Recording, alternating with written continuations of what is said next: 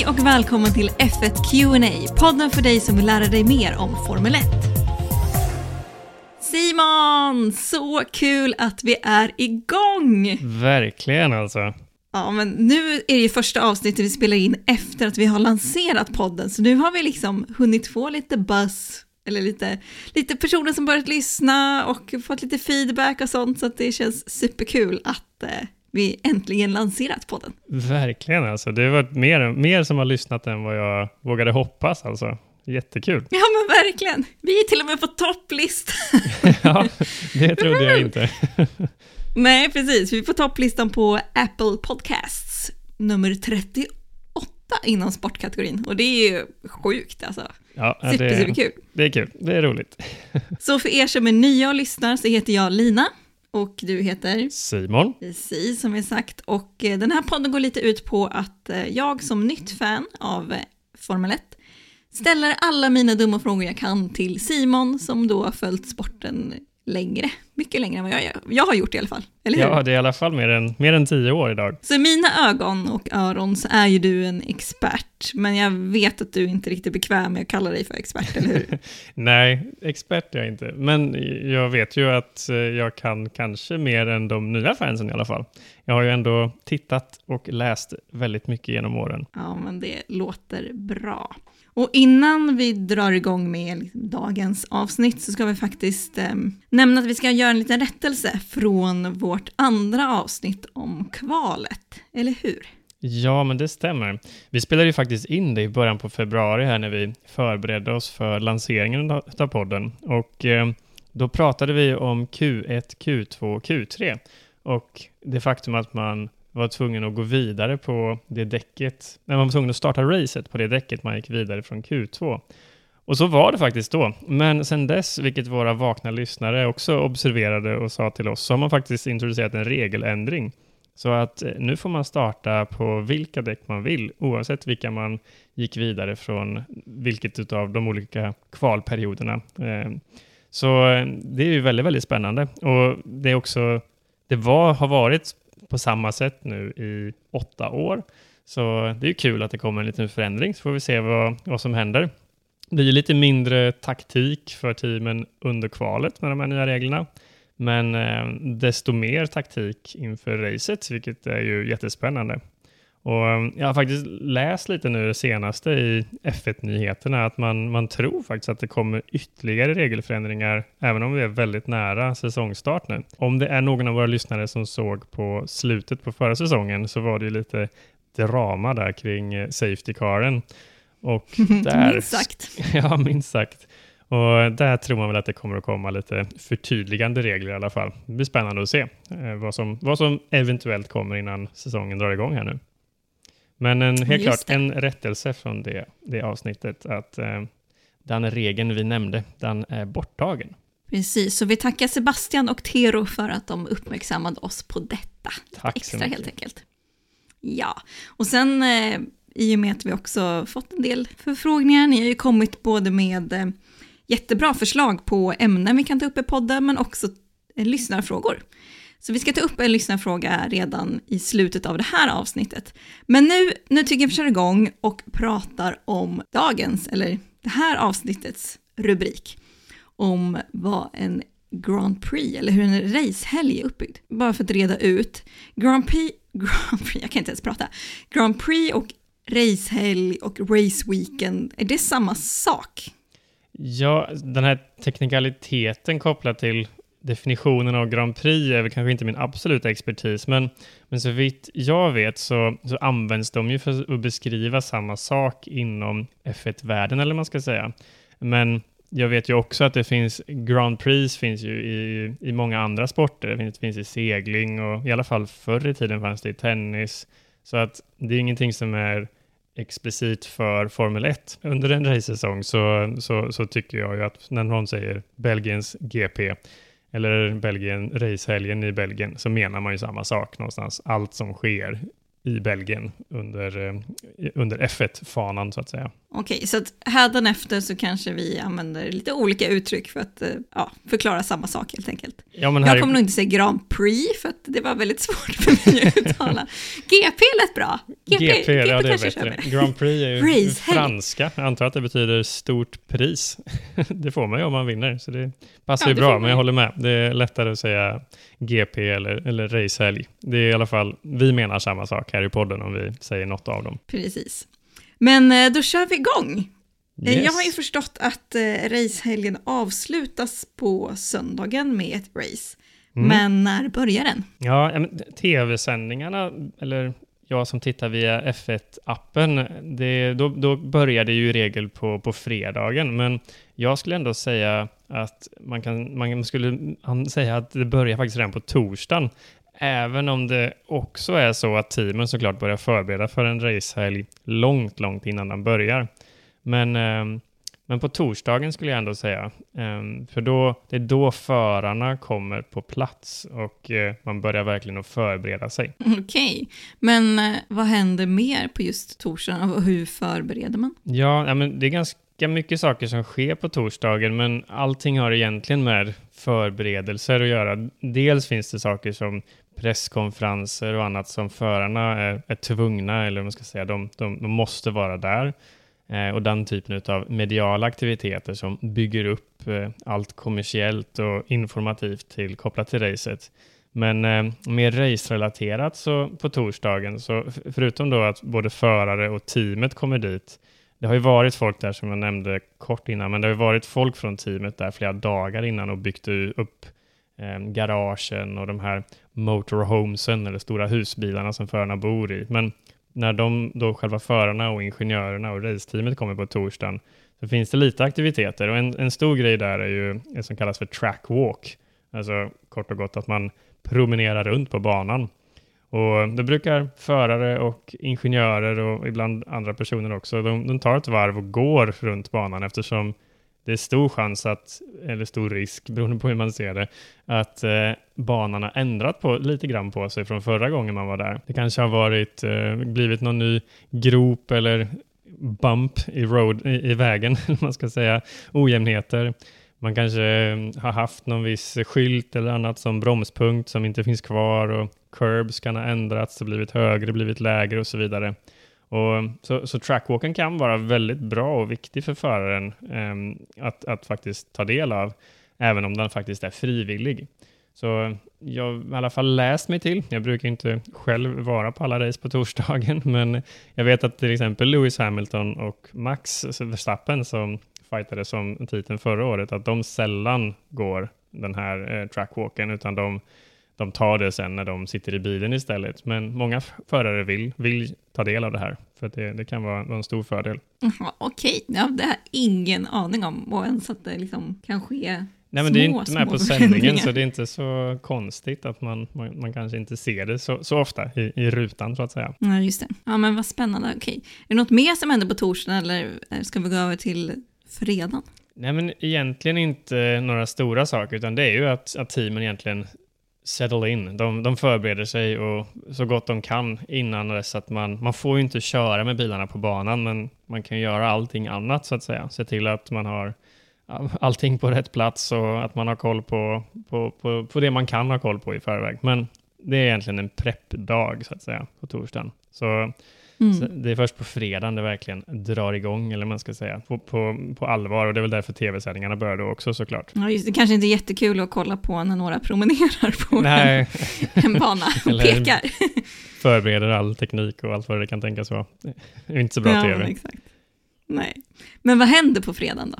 Ja, men precis. På fredagen, det är då man får se bilarna på banan. Ehm, och fredagen innehåller två stycken vad som kallas för fria träningssessioner eller free practice sessions. Och de kallar man ju i den här sköna förkortningssporten Formel 1 för FP1 och FP2, kort och gott Free Practice 1 och Free Practice 2. och på de här Free Practice-sessionerna då, då då samlar man liksom in ny data. Man har en massa sensorer på, på bilarna och eh, tar in den här riktiga datan så man kan justera alla sina datorsimuleringar och börjar egentligen redan då bygga strategier. Så det är jätteviktigt under FP1 och FP2 på fredagen att förarna får mycket tid på banan, köra mycket varv så att alla ingenjörer och strateger får, får mycket data ifrån bilen. Så det är otroligt viktigt att man inte som förare gör några misstag egentligen, att man kraschar, men också andra saker, att det kan vara förödande om det blir röd flagg eller det blir jättekraftigt, jättehastigt nytt, dåligt väder som man får bryta av, av den anledningen. För det, det kan verkligen försvåra eller förstöra chanserna för, för resten av racehelgen. Så lite som de här förtesterna som har varit nu, om, nu när vi spelar in det här så har ju inte säsongen börjat utan eh, senaste helgen så har det bara varit massa förtester. Ja, men precis. De är, inte, de är inte exakt det, samma, men det, det är mer, mer likt det än, än ett race i alla fall. Det är helt klart. Ja, eh, men vad är skillnaden? Alltså finns det någon skillnad mellan första tränings FP1 och FP2? Eh, rent på, vid första anblicken skulle man säga att de är väldigt snarlika. Att det, det är 60 minuter då du får, får köra hur, hur mycket eller lite du vill egentligen. Det finns väl egentligen bara en liten sak som, som, som skiljer dem åt och det är på, på FP1 så här, som det är en speciell start. Vad är det då? Ja, men, man börjar, efter att bilarna inte har varit ute på banan innan FP, FP1 så, så börjar man hela den träningen med vad som kallas för ett installationsvarv. Eh, där man Eh, helt enkelt testar att bilen sitter ihop bra. För bilarna plockas ju isär efter varje race egentligen och byggs ihop igen mellan varje race. Mycket jobb där. Och då vill man liksom testa bara att allt sitter ihop som det ska under hyfsat kontrollerade former. Så att man kör ett varv och man kanske man sätter på lite extra sensorer och grejer för att läsa av att allt, allt ser bra ut. Och efter varvet så åker man in i depån igen och så kontrollerar man bilen och om teamets alla ingenjörer säger att eh, allt ser bra ut, då är det bara ut och, och köra för fullt igen. Men såklart, var lite försiktig. Man vill inte göra några misstag på träningssessionerna. Nej, just det, såklart. Det, det, kan ju ställa till det. Ja. Men vad är det man tränar på i de här träningsrundorna?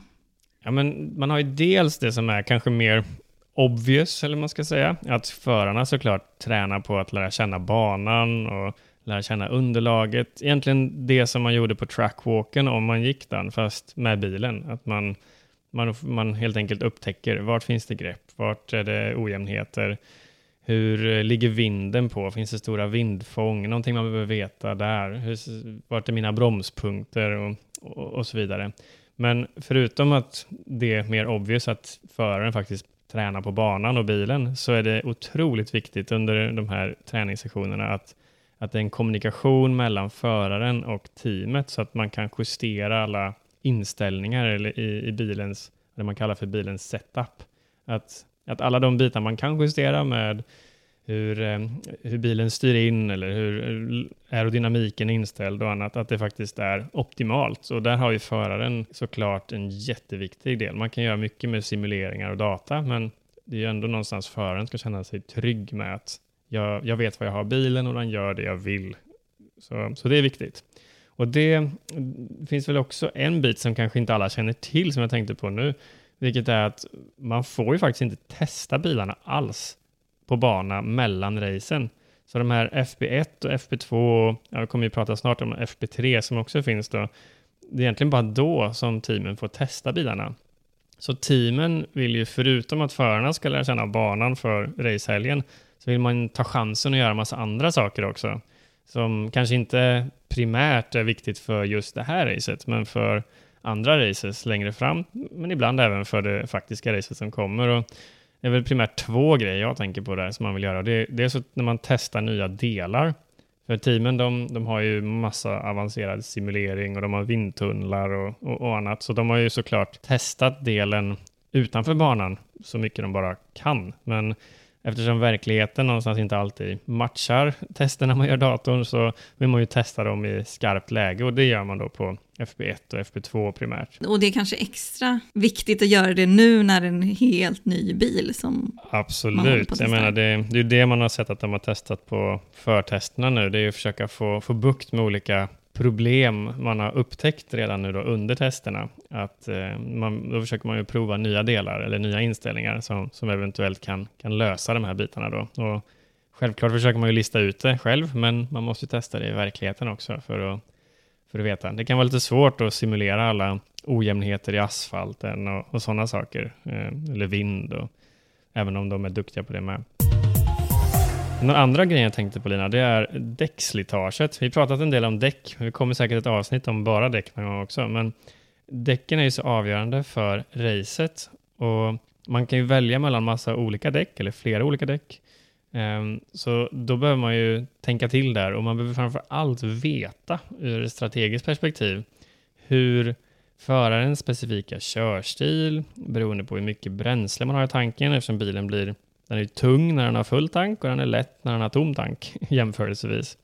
Eh, hur påverkar det däcken och däckslitaget? Hur påverkar det beroende på hur fort vi kör i kurvor och hur är asfalten eh, på, eller underlaget på just den här banan?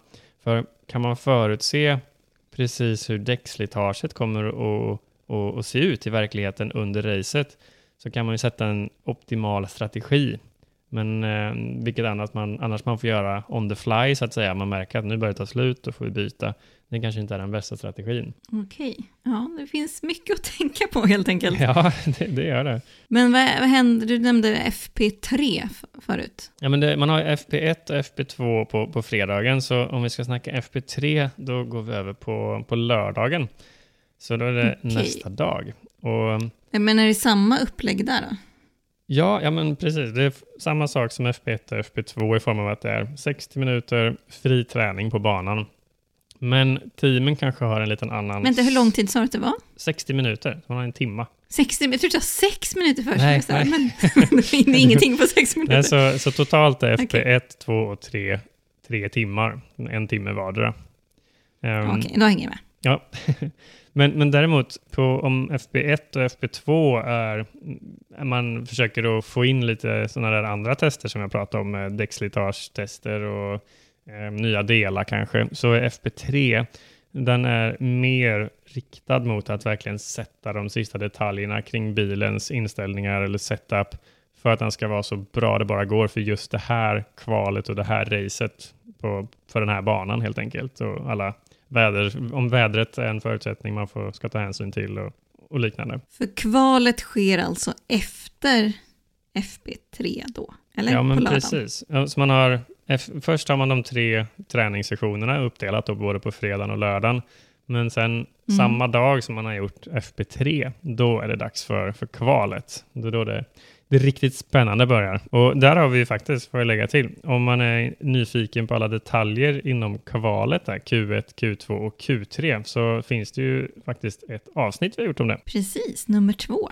Nummer två. Förutom då att man inte ska lyssna jättenoga på däckstrategi för Q2. Nej, men det finns ju en, en regel där då som har ändrats sen vi spelade in Q1, Q2 och Q3. Precis. Så, och, och ser man där som är liksom någonstans i, ja det är ju mellan Q, FP3 och kvalet, men egentligen exakt då kvalet börjar eh, så är det ju en liten speciell grej som, som träder in som kallas för Parc Fermé. Det är också franska antar jag. Jag vet faktiskt inte vad det betyder, men jag vet vad det innebär i alla fall. Och eh, det är ett sta, en status kan man säga på bilen som gäller från att kvalet börjar tills att racet börjar.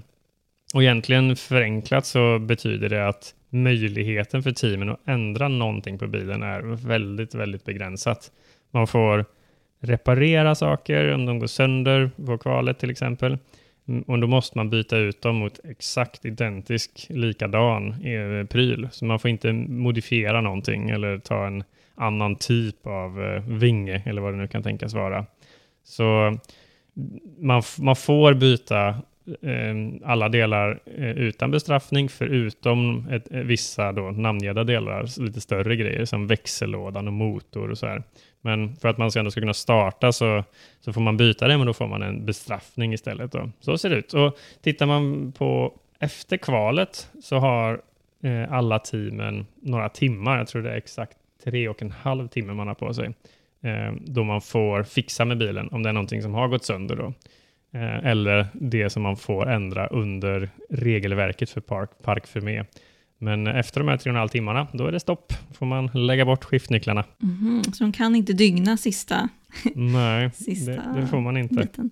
Men vad är det för straff man skulle kunna få då? I, I regel så får man eh, antingen ett antal positioner som man får eh, starta längre bak än vad man har kvalat. Eller så kan det vara att man får starta ifrån depån. Det är väl de två, två vanligaste i alla fall. Jag vet faktiskt inte om det finns några fler, ska jag vara ärlig med. Men eh, det är de två jag, jag tycker mig se i de fallen det sker. Och startar man från depån då kommer man ju väldigt långt efter va? Eller? Ja, precis. Då startar man ju sist, verkligen. Ja, just det. Men det, alltså, det händer saker hela helgen med andra ord. Det gör det. Eh, Även om det då är, det är stopp på just att få meka med bilen efter kvalet, men teamen jobbar ju vidare. De kan dygna. För efter att man har kvalat, då vet man ju startordningen. Eh, Och det är ju också närmare än vad det var för några timmar sedan till racet, så att väderforecasts och, och annat är ju så säkra de, säkrare än vad de har varit tidigare i alla fall. Så att man, man kan verkligen göra nya simuleringar och köra olika simuleringar med sina datorer hela natten egentligen för att optimera, att man verkligen vet vilka olika scenarion man tror kan hända och hur man borde agera i dem och, och, och annat. Så att det är verkligen det finns folk som, som dygnar, det tror jag, i de flesta teamen för att jobba med de biten, men inte med att meka i alla fall. Men söndagen då? Då är det bara fokus på race och Ja. förberedelse inför det. Ja, det, det är lite förberedelser. Eh, Jag sa att det var tre och en halv timme efter kvalet, då måste man lägga ner skiftnyckeln så att säga. Men sen på söndagen, då får man faktiskt börja och röra bilen igen fem timmar innan formationsvarvet, så egentligen fem timmar innan racet börjar kan man väl säga. Um, och då får man göra de här justeringarna alltså inom ramen för Park Fermé uh, eh, för att optimera bilen. Så man får göra mindre justeringar på, på vingar och ja, det finns, det, jag, jag kan inte exakt, exakt alla detaljer kring det hela, men det, det är kraftigt begränsat vad man får göra, men det finns ändå saker man, man vill göra. Och sen är det dags för race. Och ehm, där tänker jag väl att hela racet är ju, måste ju vara ett eget avsnitt. Där finns det ju hur mycket som helst att diskutera om. Ja, det får vi nästan hålla oss från att prata om nu kanske. Ja, men det, det tycker jag. Och sen sprutas det champagne och presskonferenser och massa sånt antar jag. Precis, och sen är det bara att packa ihop och dra vidare till, till nästa race. Så att det, Bara, det är bara. verkligen ett Oh. tajt schema i, i år alltså med, med ännu fler race än vad det har varit historiskt. Ja, det är galet alltså. Men Mm. kul för oss som Ja, som verkligen. inte behöver jobba och packa upp och packa ner. Nej, för oss som eh, är fans och tittar så är det ju bara roligare med, eh, med fler race. Men man får väl samtidigt ändå hoppas att det inte finns förare som, eller team som går in i väggen eller annat, för då kanske det blir, blir andra Nej, konsekvenser. såklart. Det, det får vi hoppas de reder ut. Ja, verkligen. Men nu hade vi väl någon lyssnarfråga, va Lina? Du sa det i början. Ja, precis. Vi har fått in en lyssnarfråga från Timmy som har skrivit till oss på vår Instagram, F1QNA. Så där kan ni enklare snacka med oss.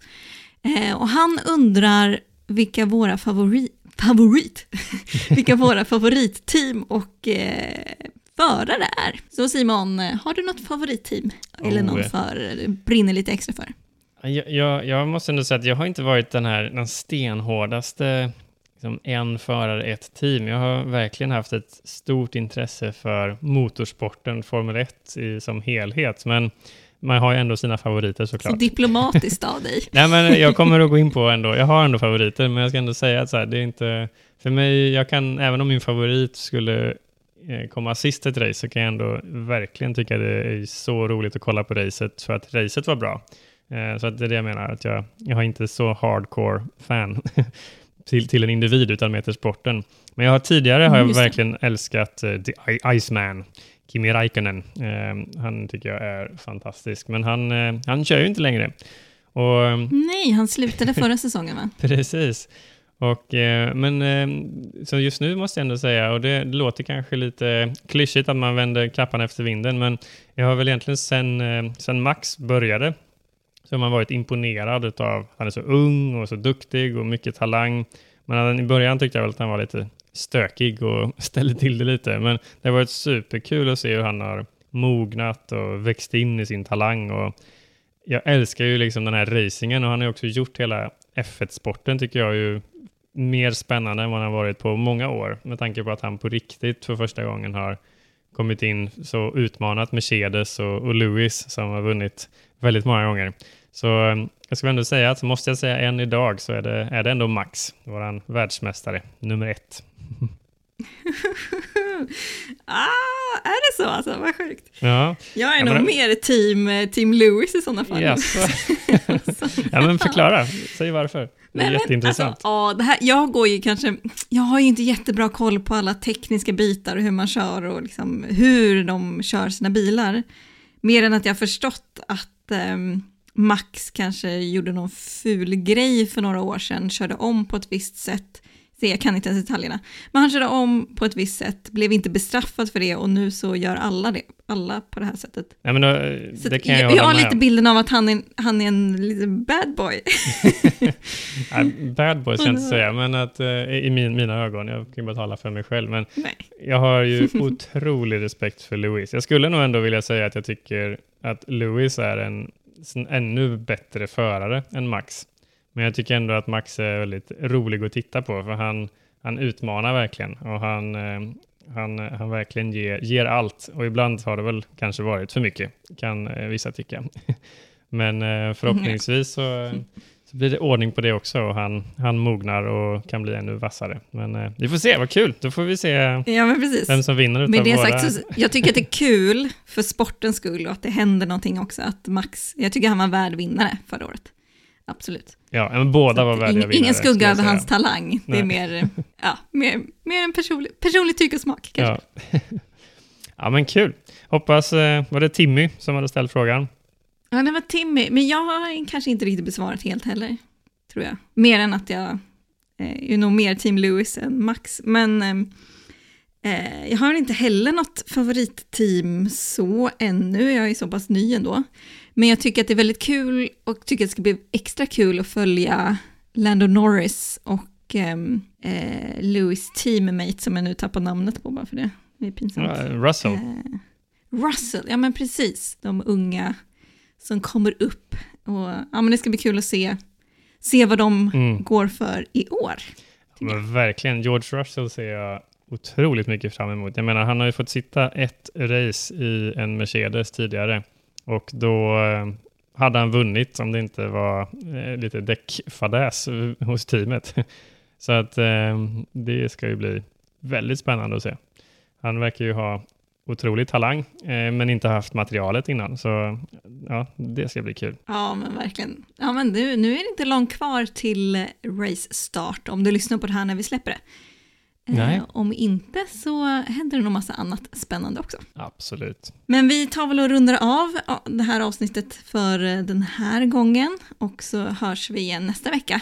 Och eh, som sagt, du får jättegärna följa oss på sociala medier. Vi heter F1QNA på Instagram. Och där kan du också ställa frågor till oss och saker du tycker att vi ska ta upp i programmet. Eller en tittarfråga. Titt- eller lyssnarfråga. Jag har jobbat för mycket med tv. Lite. Vi kanske får sätta upp en kamera här framöver så man kan ha det på, på YouTube också, vem vet? Ja men exakt. Och sen får du också jättegärna lämna ett betyg eller skriva en recension också så att vi syns för fler. Så fler får upp öronen för podden. Också så att vi klättrar på topplistan. För att eh, nu har jag fått lite blodad tand för det här. Nu ska vi, nu ska vi komma upp. Vi är ju racefans, då vill man ju vinna. Eller hur, eller hur. Men eh, med de orden så avrundar vi det här avsnittet och så får vi önska dig som har lyssnat en bra vecka. Så hoppas jag att vi hörs framöver. Ha det så bra. Hej då! Hej då!